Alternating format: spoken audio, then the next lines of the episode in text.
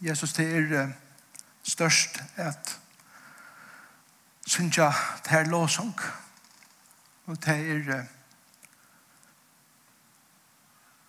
hjertanemande at synsja år som litt av navnet høgt som uh, minner noen av hver du erst og hva du har gjørst. Takk for det den ryka sangskatten vi eia og i okkara lande og okkara male. Ikke minst tar sangene som er skriva er og er føreskund. Og jeg ber her om at til å at varvaita hentan dyrer bare skatt som vi heva i sangen. Takk til eisne for sitt år som vi eisne heva okkara rekna male og hjelpe er at uh, at alla tøyina minnast du har vi takksemme, til som har gynnsi undan okkon, og i færene jøgnum til stora arbeid og eisne til som de har golde fyrir til, men hava gjørst til korsene, så så vi kunne njóta året og akkur egna male i det. Og vi kunne si det her, trygg og og kvila og kunna njóta agavan av tog som okkar forfedrar. Det var givet okkar. Og hjelp okkar i det som vi åpna tog år og hjelp mer at tåsa vi er mjuk leika men eisne vi tunne kraft til okkar ødle det. Og i Jesu navn. Amen. Eit som har opptid med ei sindur jeg ser sørste viken her, er, er at hitje er at personen i, i Bibelen som på enkla måte har steg og i skukkan av øren. Og her mener jeg særlig vi og i skukkan av eh, folk som på enkla måte heva vært mer leiande og mer kjønnlig og vært mer at høyra tog at sannleisen er han uh, og i løyven hele tiden. Og til vet jeg at det er ikke bare innenfor uh, Guds versk, det er innenfor alt som vi gjør. At alt som vi gjør, og en og hver som stender fram som leiende og i, og i noen som helst, hever det alltid god folk rundt om seg. Og, og til alltid folk som på en måte stander i skuggan av en og, og, og edger dem og, halda faklen og er og her ta i man hur ho at men som åt eller hur ho gevast eller bakka så er det hese falskene som som koma inn og lusleina tja øron og er og er fantastiske stolar vi hava dømi om at her alla vegin jokken skriften der som vi kan læra. Vi, tar vi tar sånn ekk om og det er viktigt. Og nå har tid vært jeg lærselig skai og i vikskiften, og det er ordentlig godt. Men det lykker viktig det er fylkja. Jeg fylkja etter og stola og, og være omfolk og om hver annan. Og en, en sånn person som jeg innskjer at, at Luta vet du kunne morgen er en maver som er Barnabas. Og vi vil introdusere i til han i Nødja Testamentet. Og Barnabas var en av høsten her personen som tar vi lese om han, så, så har man nesten hod til å huske hva for personlighetstype var han. Og eh, jeg skal ikke fære inn her til at jeg, jeg kvar ikke do alt her, og, og, og jeg, jeg halte til en ekstotligere hydje at eh, at en personer som tar i hitje at eh lutene, tar i hitje at tikkun i det som, som sitter her bænt. Så er det utrolig at vi Barnabas her eh, i lutene, folk som er utrolig mennesker som standa som bakkar fyrir kvann annan og, og stola kvann annan og ikke bare i nagre dier og i nagre viker men med år etter år så, så standa menn og kvinner i samkommende her uh, halda Guds verste oppe. For lukka kvar som mikrofonen er sint nyer, så jeg sier at ikke blokkeres at, at jeg har egna kontakt vi tikkene her i reisene. En lærer skal, eller en, en talare skal alltid ha egna kontakt vi, det som man tar seg vi. Det er et godt til en god skikker. Jeg husker eisen om at uh, nå tar jeg stand i her i morgen, så er det sin rundalt å huske at at dette er kanskje en av de seneste ferien jeg stand i her uh, her oppe og hesten taler sånn. Så det er så veldig kjøtt vid, vid ferie og man er nødt til å bygge den og og eisen nå tar jeg ferie ferie satt så, så er jeg ikke noe hjemme Jeg ser sørste tøyene som vi er her. Så nok stått til å huske om det, at dette er kanskje en av mine sørste talen eh, herbeint. Eh, hvis ikke knappt jeg driver ut, jeg tar rett sett.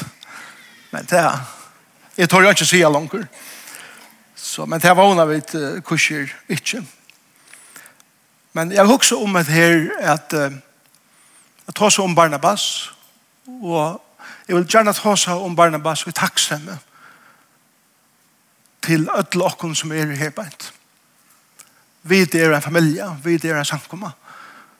Og så må leie til, til ankra tøyer, og så trakker man atter, og så er man en stol, og så leie ånder, og, og det er lov i samkomna. Vi, vi først kan gå fremst, og vi korsganger ånder fremst, men alle tøyene at, at være stol for hva annan er så viktig. Og jeg er ikke at som Barnabas, men eisen er at jeg hukser om noen ting som jeg er yngst jeg vet eh, tog og vi okken som lærte om om man er nødt til bygningen og at jeg er yngst at jeg kunne være sagt om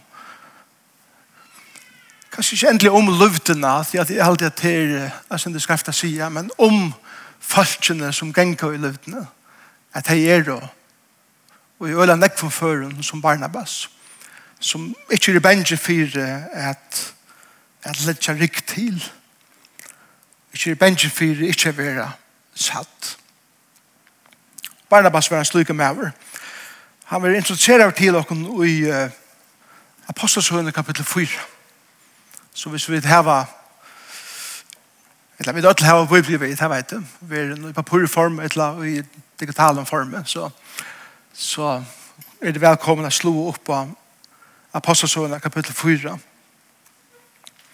Og han var interesseret over til dere i eh, ja, nå må jeg heldig flytta meg her på en. Jeg er et deilig løret annars. Så la meg lykke færre henda. Så stand jeg i sånn løsning mer midt i. Man finner bare omgang til ordentlig til oppi her på en tid, at her er sånne ledninger at jeg vet omgående ordentlig når jeg får dette om ledninger litt ikke. Ja Men og så skal man heller ikke kvar tala sånn avleitningene her. Jeg finner ikke vite alt til at så kan man skjøre anledningene her av. Barnabas vil introdusere til dere i Apostelsønne kapittel 4 og vers 36. Foreldrene går hun og navnet Josef. Men når han er flott til Jerusalem, vet vi det ikke. Men vi vet at uh, at han er eh, vi vet fra Ørenstøven at han er fra Kypern. Og han kommer til Jerusalem vi vet skammer han er. Onker, onker kommentar som jeg har lyst har sagt at uh, møvelige uh, våre bæge Paulus og hesten her Josef nærmengar til Gamaliel. Så at Barnabas var eisende, en så Josef, ein ekvile vel lærter maver. Men korsen er ikke bensje for stand skukkene når han nøren. Men da han kommer uh, til trygg, og det er vidt at ikke nær til hente, men han så kunne ikke komme til trygg for Jesus, og, og han kommer så på i lærers for en håpen, og tar ikke henne et eknevn. Men han færre godt eknevn. og tar kattla han for Barnabas, til navnet som han færre.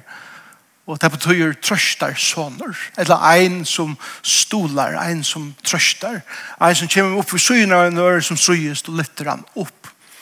Det er nok stått litt heidig svære, hvis vi vet for å ødla djeva hver nøren og løvdende et eknevne etter hva vi halte ei kjenner hver annan. Jeg vet ikke hva det er sagt om grøym. Det er svanake. Og så var jeg det. Men Uh, Vi aller fleste før hei det vært øyelig positiv eknene, men hei givet eh, følt jo i samkomne her. Jeg minns en som hever med at min gå er å kritisere. Så langt som det er konstruktivt, så er det fint. Men vi leser i vers 36 av Josef, som er av apostelen var kattlaver vil tilnavnen Barnabas, det er utlagt trøstarsåner, levitter, at det var av kyperen. Selten det jeg gjør, og han åtte, og kom vi pengene og leie han, altså penigen, fire føtter apostlan. Og det er akkurat som det første som vi lærer om, denne mannen. Han er vært på enkla måte jeg vet ikke om øyelig velhevende, men han er kurser eh, åt gjør som, som at herra døven vær er vera mikvande mever. Og han ser at det er en stor tørver i samkommende. at det er tusen av vise menneskene som kom, er kommet til trygg. Legger at han missa heim og sosiale status og arbeid og så videre. Og det er sikkert at det finnes sammen og det byrja at jeg stoler kvarnøren og Josef hoksar vi egen nekka til iver som vi ikke pjøvest at eia og jeg vil gjerne djeva det her til herrens versk og det første som vi lærer om henne mannen er til at han er en gavmilder personer en personer som ikke er bengen for at djeva av seg sjolvun og at djeva av hans her da er ikke at uh, hesar samkommende og Da er ikke at djevengene som er agent til samkomne i sånne ekva er, så, så, så vil jeg si at, her, at vi er nekv i samkomne her som stannar malleis til gavemeldene som er i hese samkomne. Fram ur skærande. Og her er også ikke bare om ta peniga selv så det er en stor, en størst offer som, som mange av eh, okken her i samkomne heva kjivet. Men så også eisene bæra om eisene eh, orskene og tøyene som folk som annars er jo ser opp til sin folk velje at offra og i hese familiene er fantastisk. Og det, det er Bibelen lytter til opp som nega som er utrolig vekkert å sitte på hva jeg kjenner en mann, og nå får jeg hitje et noen vers som, som jeg kjenner Barnabas, trøstersånen, og eisende eh, at ser han noen år, eller noen iveskrifter av de versene.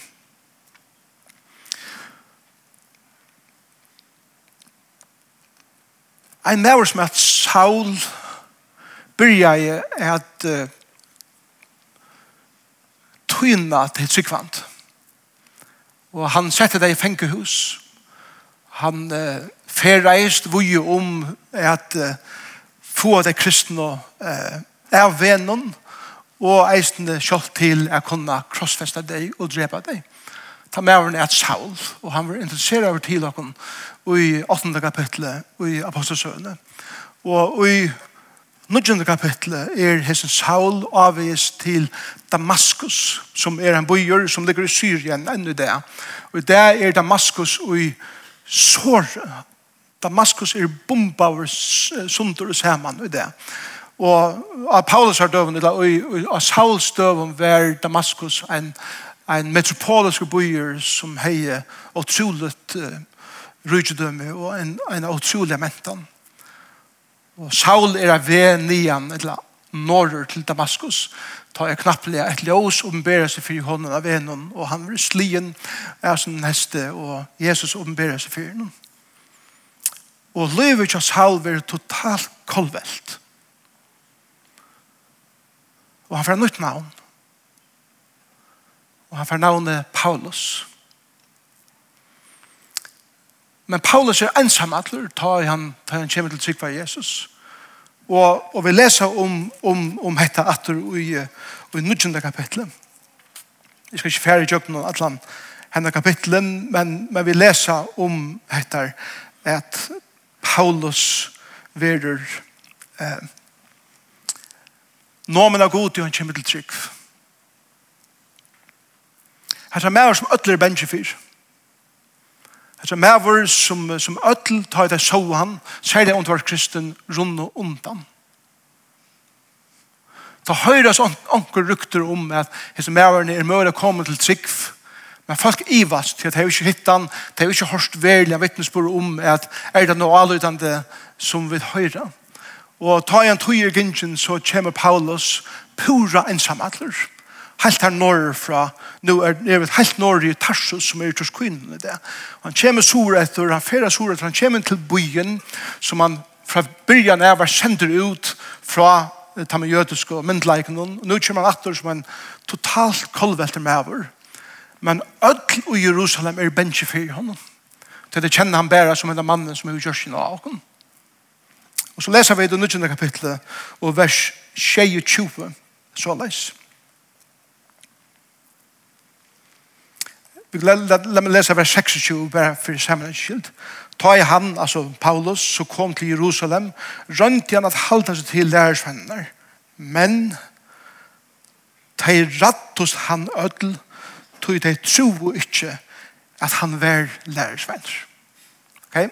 Det er konteksten. Men, vers 22, Barnabas tog seg av honom og får vi honom til apostlanar. Han sier Taimon ta hvordan han hei se herran av venom og at han hei tala til hans herre og hvordan han i Damaskus hei vittne horester og i navnet Jesus herre. Det første som vi lærer om en person som er en trøster maver. En person som, som er en person som tårer er stand og skukkan av en øren som stol.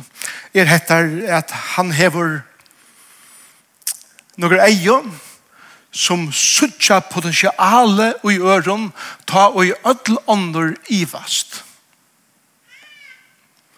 Og det er en veldig gave at heva. Vi tog gavene fylgjør nækka. Og det er en ivskrift som vi ikke skal, skal eikjenne henne mannen og det er trygg. Og vi leser eisne om Barnabas settene. at Barnabas var en maver, filter av hele andan om, og trygg trygg betyr at jeg suttje nega og jeg velje at handla på det. Det er trygg. Eller det er kurser en pastor er trygg. Trygg for øyne størst. Og det som Barnabas gjør her er at han ser henne mannen.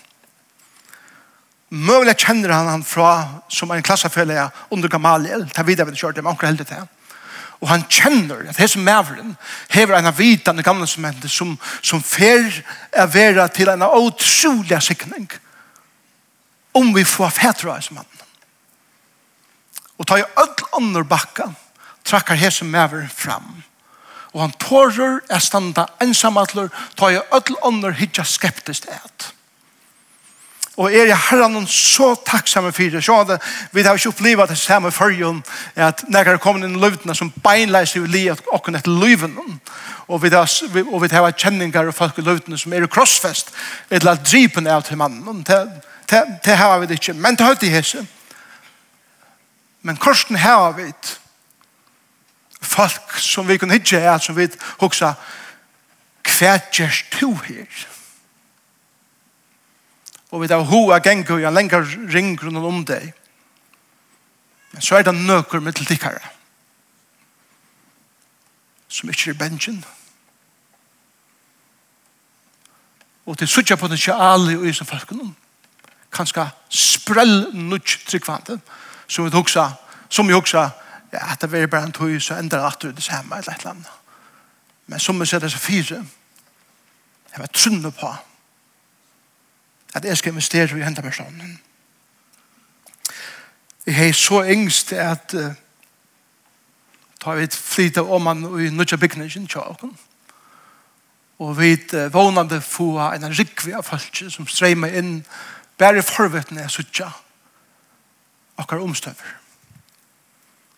At det er folk som sitter her i morgen som har trunna og drive jeg suttja potensialet vi følte som vi ikke ser over.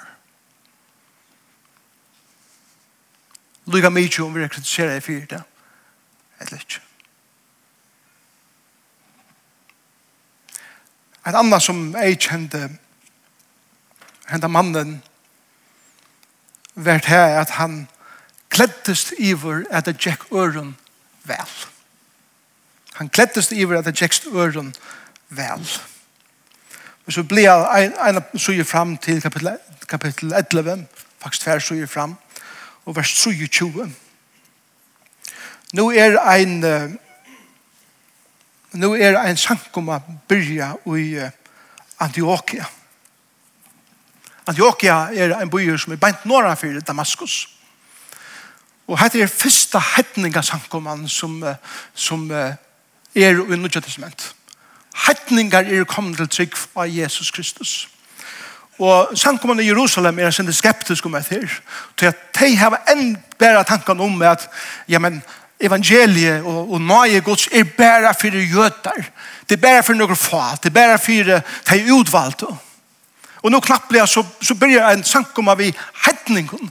Altså folk som er totalt ærar venner og livsstil og alt annet enn vi kjenner til, og ikke bare til, en løvstøyd og venner som vidt er herst og måter. Nå blir jeg enda sankommann. Og sankommann i Jerusalem sier vi Barnabas, i halte at Thomas var den friaste. Jeg får hitje etter hva det er som kong fyrer kjernår. Og Barnabas, han fyrer. Vi leser i vers 23 i kapittel 11. Ta i han, altså Barnabas, så kom her og fikk nøye Guds et suttja. Glettest han. Og han avmyndte i ødel at jeg skulle seta ser fire og hjertan er halda fast vi Og Han er en fantastisk personer som er hæsar i egenleikene. Jeg kommer inn i omstøver til mennesken som vi slett ikke kjenner, og jeg kommer inn i livet til øren mennesken som slett ikke lykker som vit, og gledest om at Herren er til verska i livet til øren mennesken. At, at, at, at tåra er standa sammen med mennesken som møvlig er fullkomlig annerledes enn vi er. Da det kommer til alt møvlig i livet er en utrolig styrke. Først heier Barnabas trygg Her ser det jo året dirve, som han i skrift iver Barnabas. Mæren hei er fantastisk dirve, Jeg tåra, Jeg færre inn i omstøver hver folk som annars var vreka i øren nå kunne gledes om at de var kommet til å kjenne god. Og han oppmuntret deg, og han etja deg til å bli vi er fylltjast ved Herren. Herren. Jeg held at vi strøyast for noen ting i okkar sankum. Eit at han i er tann at vi seta en utrolig huan ideal fyrir hvordan vi skulle liva da det kommer til okkar moralska livsstil og så vi er. Og, og, og vi eier et liva rett. Men trobeleisen er han at vi først så får vi kanskje folk som enn ikke kommer til å kjenne Jesus i akkurat samkommer, etla folk som er sprellnudj tryggvande og vanta fra første dag av at de skal leva en totalan, fullkomnan, heilagen standard. Og hvis jeg ikke gjør det, så er vi skeptisk og kritisk, og vi først frastøydande imot det herre livstøyle. Tøy, vi er ikke tåle nok, og vi er ikke djørv nok til å lede folk være og ene fer som Herren skal leie deg selv til, her som de skal komme til i livet. Men kan halde jeg videre forskjølt å døme løstøylen til øren. Det er ikke passer akkurat sammen vi okkara. Og vi først ikke engang passer akkurat sammen vi tog som Bibelen og idealerne i skriftene seder okken.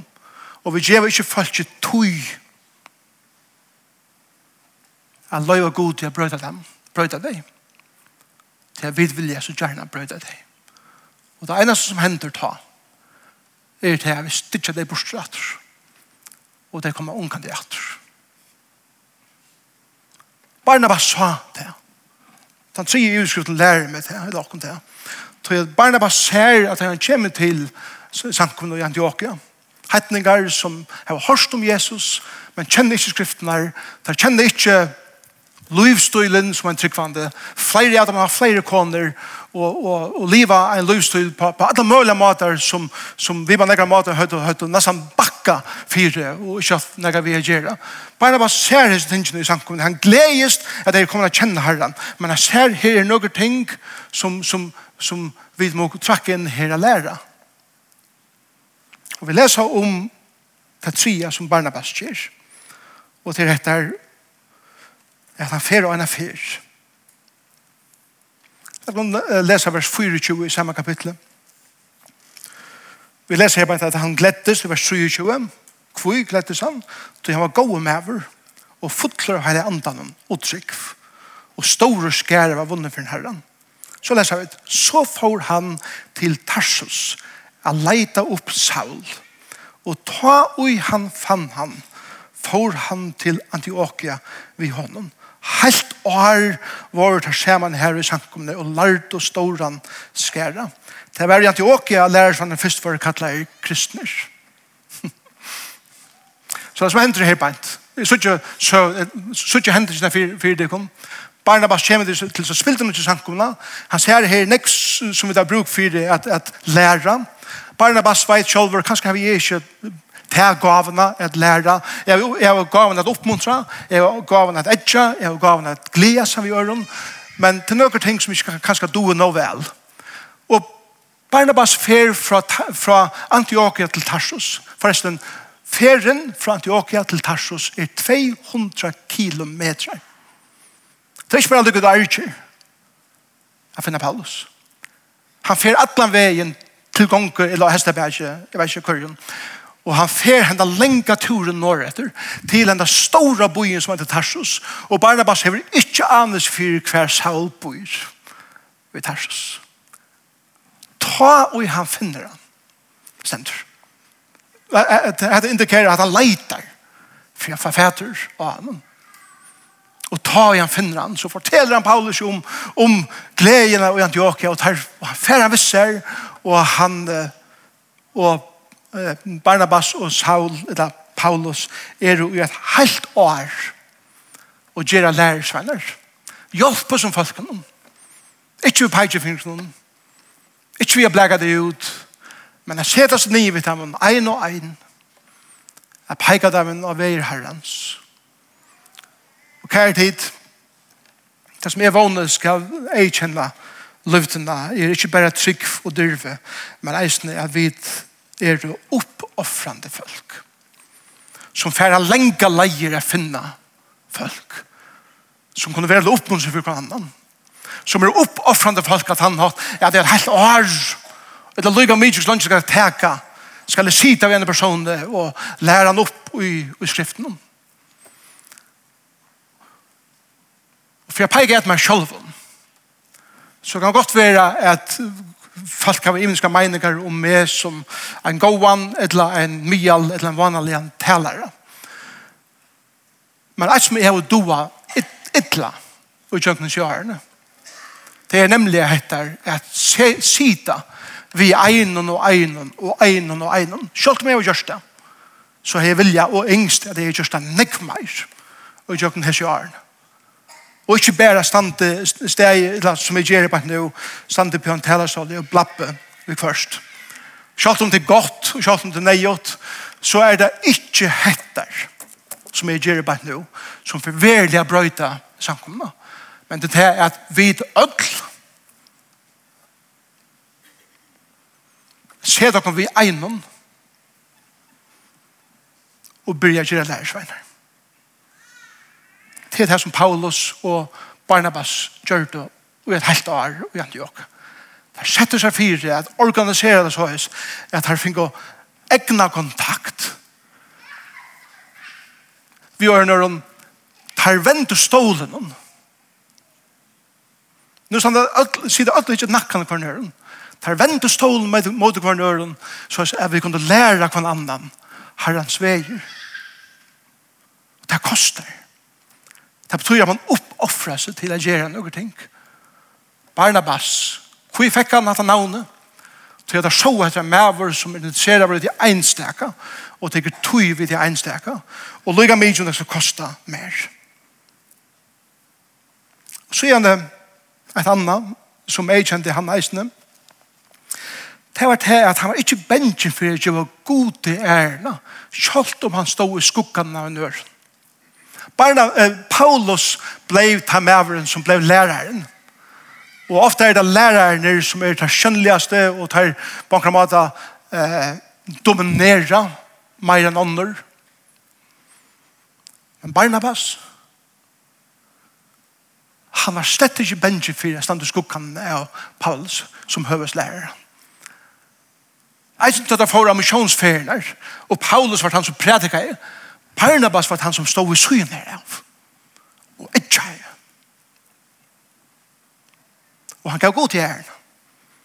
Og han er omgav til det her, og ungen ser med, ungen høyre med, ungen vire med, og så videre. Og jeg vet vel at det er viktig å være sattur, det er viktig å være hørtur, og det er viktig å være virtur. Men vi kan ikke leve på det, vi herrens vers. Det er fullt satt, fullt hørt, og fullt, fullt virt av herren. Ikke, det som Jens pleier sier, si, miskyld med rett. Det er viktig. Men vi kan ikke køyre og livet på det. Jeg bare være satt og hørt og, og vært. Og hvis ikke, hvis vi ikke eh, få opp det her for øre mennesken, så gjør vi oss vidt. Bare med så ikke en slik.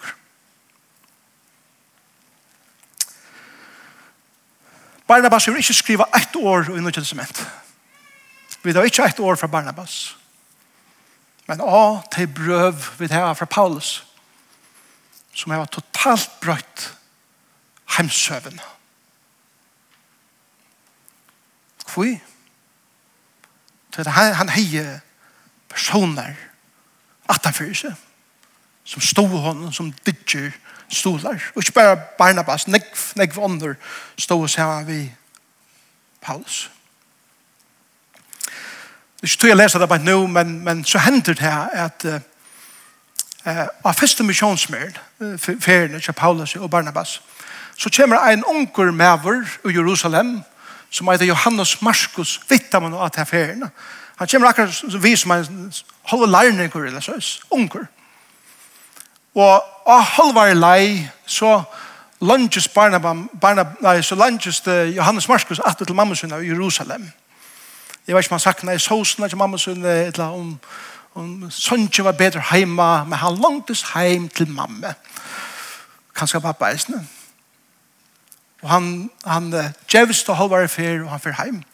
Ta er så Paulus og Barnabas kommer atter fra første misjonsferiene og tar til Jerusalem, her han funter og så videre.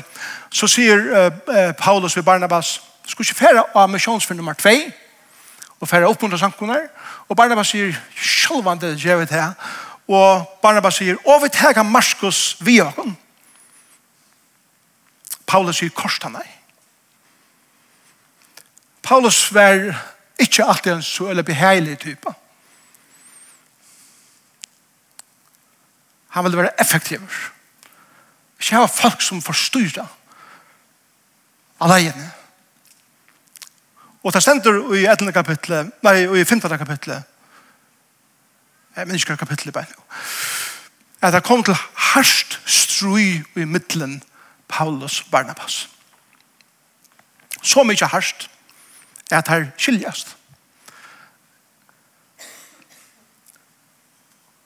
Paulus teker Silas ved seg, og Barnabas teker kvann Marskos ved seg skilte der som overvinner, det er alltid ikke.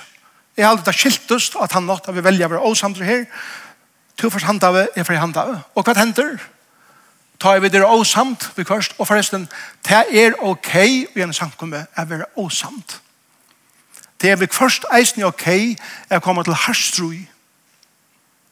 Så langt som vi elsker hver annan og vita hver vi tjener.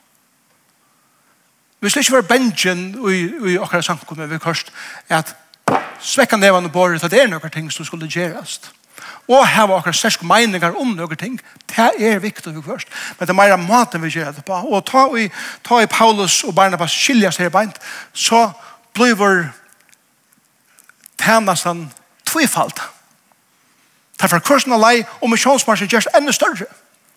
Og tog beter, så vidar vi, og i tog sista braven som Paulus skriver, da han sitter i fengehus i Rom, nekker få der, og er han veit han var holdsøkter, utanfor murene i Rom. Så skriver Paulus, Anna Timotheus brev. Og i øren Timotheus er brev takkar Paulus herranen fire til trøst, og han stol Barnabas og Markus, her veri honom vid hemmastene.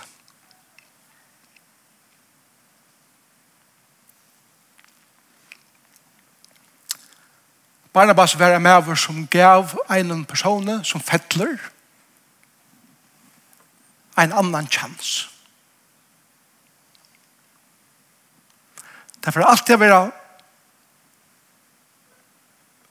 i middel okkara i samkomne. Onkara av okkom inkluderer meg sjolvan som færre er fettla. Vi gjør feiler Vi teker skreivar avgjører. Vi gjør skreiv ting i løven. Vi særa ånder. Men det tar ikke gode for folk som sier kom atter. Vi vil endreise det. Vi vil elske det. God hever en atlan vi tunn løyve. Selv om det kiksa i Jesus, så er God ikke liver at arbeide vi tær enn. Og Marskos fikk en annan chans at fære av en misjonsfer vi eh, Barnabas. Og gida hvor vi skriver Marskos evangelium hesen sam.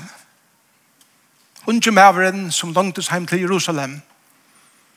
hvor Til han dødde ikke akkurat det her, av er en fer vi sjåar skulle på en kipe og, og genka om pomdelar og fjöll og, og, og strujas og strevas og sutja Paulus og, og, og Barnabas for steina i falskje og det var ikke han det var ikke han hva var Marskos det var sitte ved en penne og granska.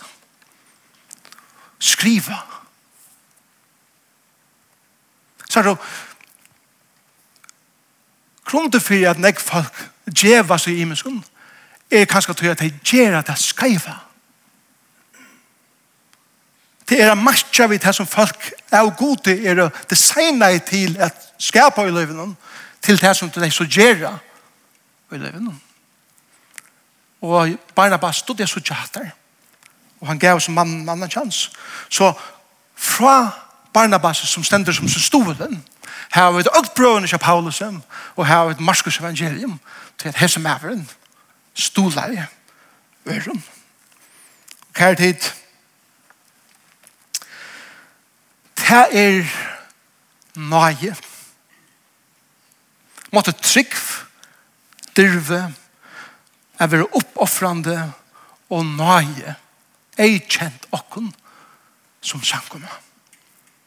Jeg veit at det gjer, ta i hitt om han iver hendan skæran av følelsen som sitter her i det, så kjenner jeg tikkene, og vi kjenner så mye vel, at hese årene, hese personligheten der, hese måten av vær på, er en verleidje med noen som sitter her, og det.